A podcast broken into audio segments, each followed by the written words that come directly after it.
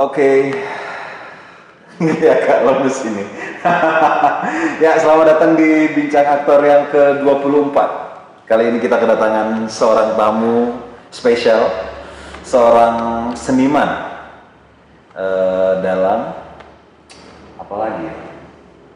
Apa sih Anda ini apa? Perkenalkan dulu ini dia Mas Wahono Simbah. Iya kan? Ya, Itu silakan perkenalkan diri dulu biar halayak tahu. Halo, saya Wahuno. Eh, basically, saya dulu waktu SMA di seni rupa, kemudian melanjutkan studi di pedalangan satunya. Kemudian saya S2 di kajian budaya. Nah, dari berbagai eh, macam latar disiplin itu yang akhirnya saya bisa berada di lini mana pun, baik di seni rupa, eh, di seni musik, karawitan, di seni peran maupun di seni pertunjukan.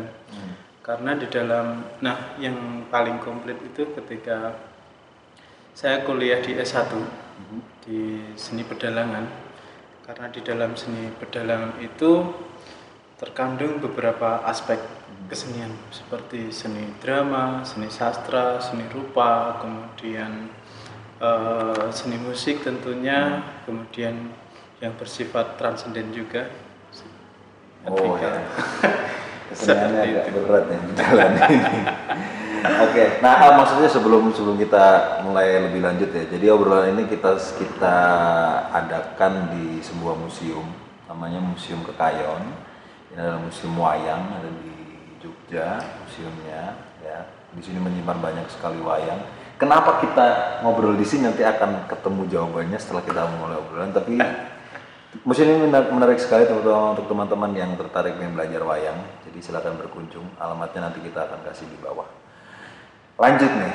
Tadi Mas Wono bilang bahwa Mas Wono hampir bergerak di semua bidang kesenian. Maksudnya sebelum kita ke sana, em, kenapa kemudian Mas Wono akhirnya em, memutuskan memilih eh, pedalangan setelah dari awal di seni rupa iya, di musik iya, eh, dan di banyak bidang kesenian yang lain. Kenapa akhirnya kemudian memilih memilih pedalangan sebagai sebagai persinggahan saat ini?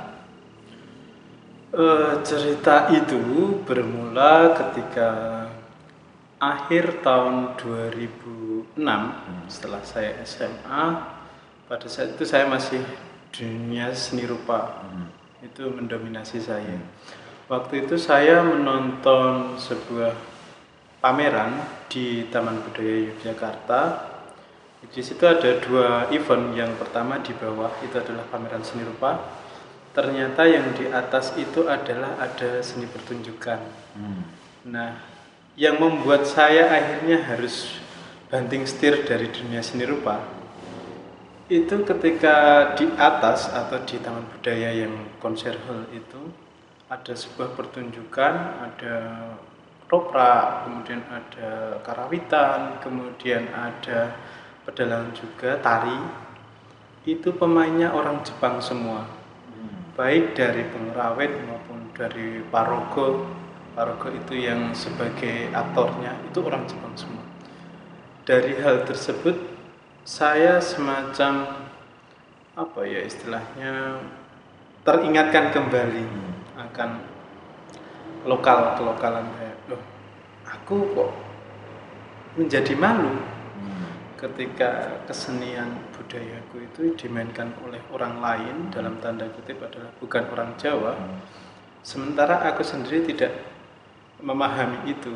Dari situ momen itu sangat tepat yang akhirnya wah saya memantapkan diri setelah berkomunikasi dengan teman-teman yang lain dan terutama guru saya yang juga ikut menyarankan saya untuk di wes kamu di pedalangan aja. Dan kenapa di pedalangan karena di dalam pedalangan terkandung berbagai disiplin ilmu kesenian di sana menjadi satu. Termasuk yang invisible itu adalah perkara tata krama, perkara norma, ada politik juga dan ada di sana strategi-strategi politik kenegaraan dan lain sebagainya. Saya pikir ini kompleks. Kemudian eh, saya memutuskan untuk ke pedalangan. Hmm. Jadi memilih pedalangan karena merasa bahwa pedalangan adalah ruang seni yang kompleks yang bukan hanya soal kalau kalau kita bicara soal ruang seni yang kompleks, seni teater juga kompleks, seni rupa ada, seni pertunjuk eh sorry, seni musik ada dan yang lain sebagainya gitu. Tapi pedalangan menurut Mas Wahono bukan hanya sebatas soal yang visible saja, Iya. kelihatan saja, tapi juga yang invisible soal bagaimana tata krama, bagaimana eh, unggah-ungguh, bagaimana kemudian juga Kebahasaan yang sangat kompleks di sana. pembahasan yang sangat kompleks gitu. Itu yang sebenarnya pengen banget kita bahas ketika kita pengen mengundang Mas Wahono adalah oh, eh, karena ketika kita otomatis Mas Wahono menyebut diri Mas Wahono sebagai dalang Saya fleksibel. fleksibel dalang oke di dalam oke eh, yang pada intinya di semua lini saya berkarya. Di seni rupa saya juga membatik masih eksis juga kemudian di karawitan saya pengrawit juga bisa karena saya mempunyai sanggar juga di sana ada sanggar karawitan. Eh, tapi di beberapa delegasi saya tercantum di situ sebagai musisi. Nah, dan kadang juga dalang seperti itu. Seniman multi level marketing ini. Multi talenta sekali ya sekali ini bahaya ya ini bisa mengambil mengambil pasar seniman yang tidak itu itu yang saya harus luruskan Oh sebenarnya. iya, gimana gimana gimana? Karena akhirnya merasa terancam nih. Kalau anda Iya. bisa musik, anda bisa acting, bagaimana dengan orang tua bisa acting? Bahaya. harusnya semuanya itu bisa jadi uh, seyogianya jika kita masih menggunakan frame atau mindset timur atau Jawa khususnya setiap orang setiap insan itu seyogianya bisa menguasai segala macam bentuk ilmu. Atau kita bahasakan dengan bahasa sekarang holistik. Ya. Hmm. Karena saya berpegang teguh juga bahwasanya ada dalam salah satu serat nah, itu di pupuk. Ada di Mijil karya Cokro Wongso itu ada lagunya yang ditembangkan ngaurep sugiya kawro kawruh ana sakehing lir. Sugih kawruh tegesira tansah amulatmu peksi. Satiti ing kasunyatan kang binabar jroning urip. Nah di situ artinya nenek moyang kita itu sudah menyarankan kita untuk memahami segala macam ilmu. Hmm. kawruh ana saking lir ketahuilah segala macam eh, sembarang ilmu. Baik ilmu membuat rumah baik ilmu pertanian ilmu perbintangan ilmu perlautan ilmu agraria ilmu seni dan lain sebagainya. Nah karena tinggalan warisan kolonial ya sehingga kita terfokus dalam satu titik. Itu frame pendidikan barat kan seperti itu. Jadi kalau orang eh, arsitek arsitek terus. Kemudian orang seni piano piano terus. Nah dari situ kita terpecah-pecah. Hmm. sebenarnya orang Jawa itu atau seniman Jawa itu ya bisa bikin batu bata sampai bisa bikin rumahnya. Bisa dalam juga bisa ngeroprak juga bisa menata bisa. Nah itu namun pendidikan sekarang kan sudah dipecah-pecah. Seni rupa nata nata aja. Dan karawitan karawitan aja. Kemudian seni drama drama saja. Nah ketika kita menengok kembali dengan apa namanya eh, s- sekar yang disampaikan oleh Ki Cokrowoso itu alangkah baiknya kita menguasai segalanya. Tapi bukannya kalau kita menguasai segalanya, jadi nggak fokus eh, menguasai di satu hal. Gitu. Misalnya Mas Wahono bisa bisa dalang, bisa apa segala macam gitu. Eh, apakah kemudian secara skill benar-benar bisa merata di semua sisi itu? Karena sepertinya itu yang dikhawatirkan oleh banyak orang yang multi talenta, kan? merasa merasa bahwa diri mereka itu nggak aku nggak bisa multifokus nih Jadi aku harus satu fokus nih karena kalau aku multi fokus mungkin aku bisa tapi fokusku jadi terbagi jadi 50-50 kalau 4 jadi 25-25-25 gitu. Jadi nggak nggak yang sangat mahir di semuanya. Gimana cara mengatasi hal itu? Basically kita punya waktu 24 jam. Mhm. sehingga saya adalah seorang dalang. Mhm.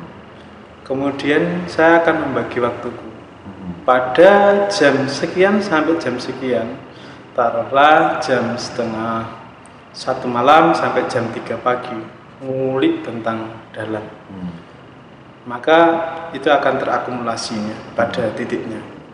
Kemudian pada pagi harinya saya akan fokus di wilayah eh, kerupaan misalkan wah itu setiap pagi. Dengan memanajemen waktu. Sebenarnya semuanya bisa tercapai fokusnya masing-masing. Makanya kalau dalam istilah Jawa ya dahang ngabehi Hmm. kabeh iso. Mhm. Iso dan bisa dan mahir di bisa semuanya dan mahir di semuanya. Itulah kelebihan kita semua. Mhm. yang namanya apa dalam itu juga harus paham tentang karawitan. Harus paham tentang kerupaan. Harus paham tentang karakter. Harus paham kalau tidak bisa itu tidak bisa jadi jalan Hmm. karena taruhlah seperti ini untuk eh, nyondro nyondro itu ada ketawang misalnya pada kenong satu eh, pada kenong satu karawitan itu karawitan akan berhenti dan di situ untuk nyondro Mhm. bagaimana kita akan bisa nyondro kalau tidak tahu karawitan Mhm. pada kenong satu ketok tok dong aningge unikoto nah kalau kita tidak paham tentang karawitan Mhm. itu tidak akan bisa terlaksana Mhm. Begitu juga dengan wondo. Kita harus paham tentang rupa. Oh ini wondo sora. Oh ini wondo eh, tatep oh ini wondo. Ini digunakan pada saat perang misalkan Mhm. eh, si Kresno misalkan.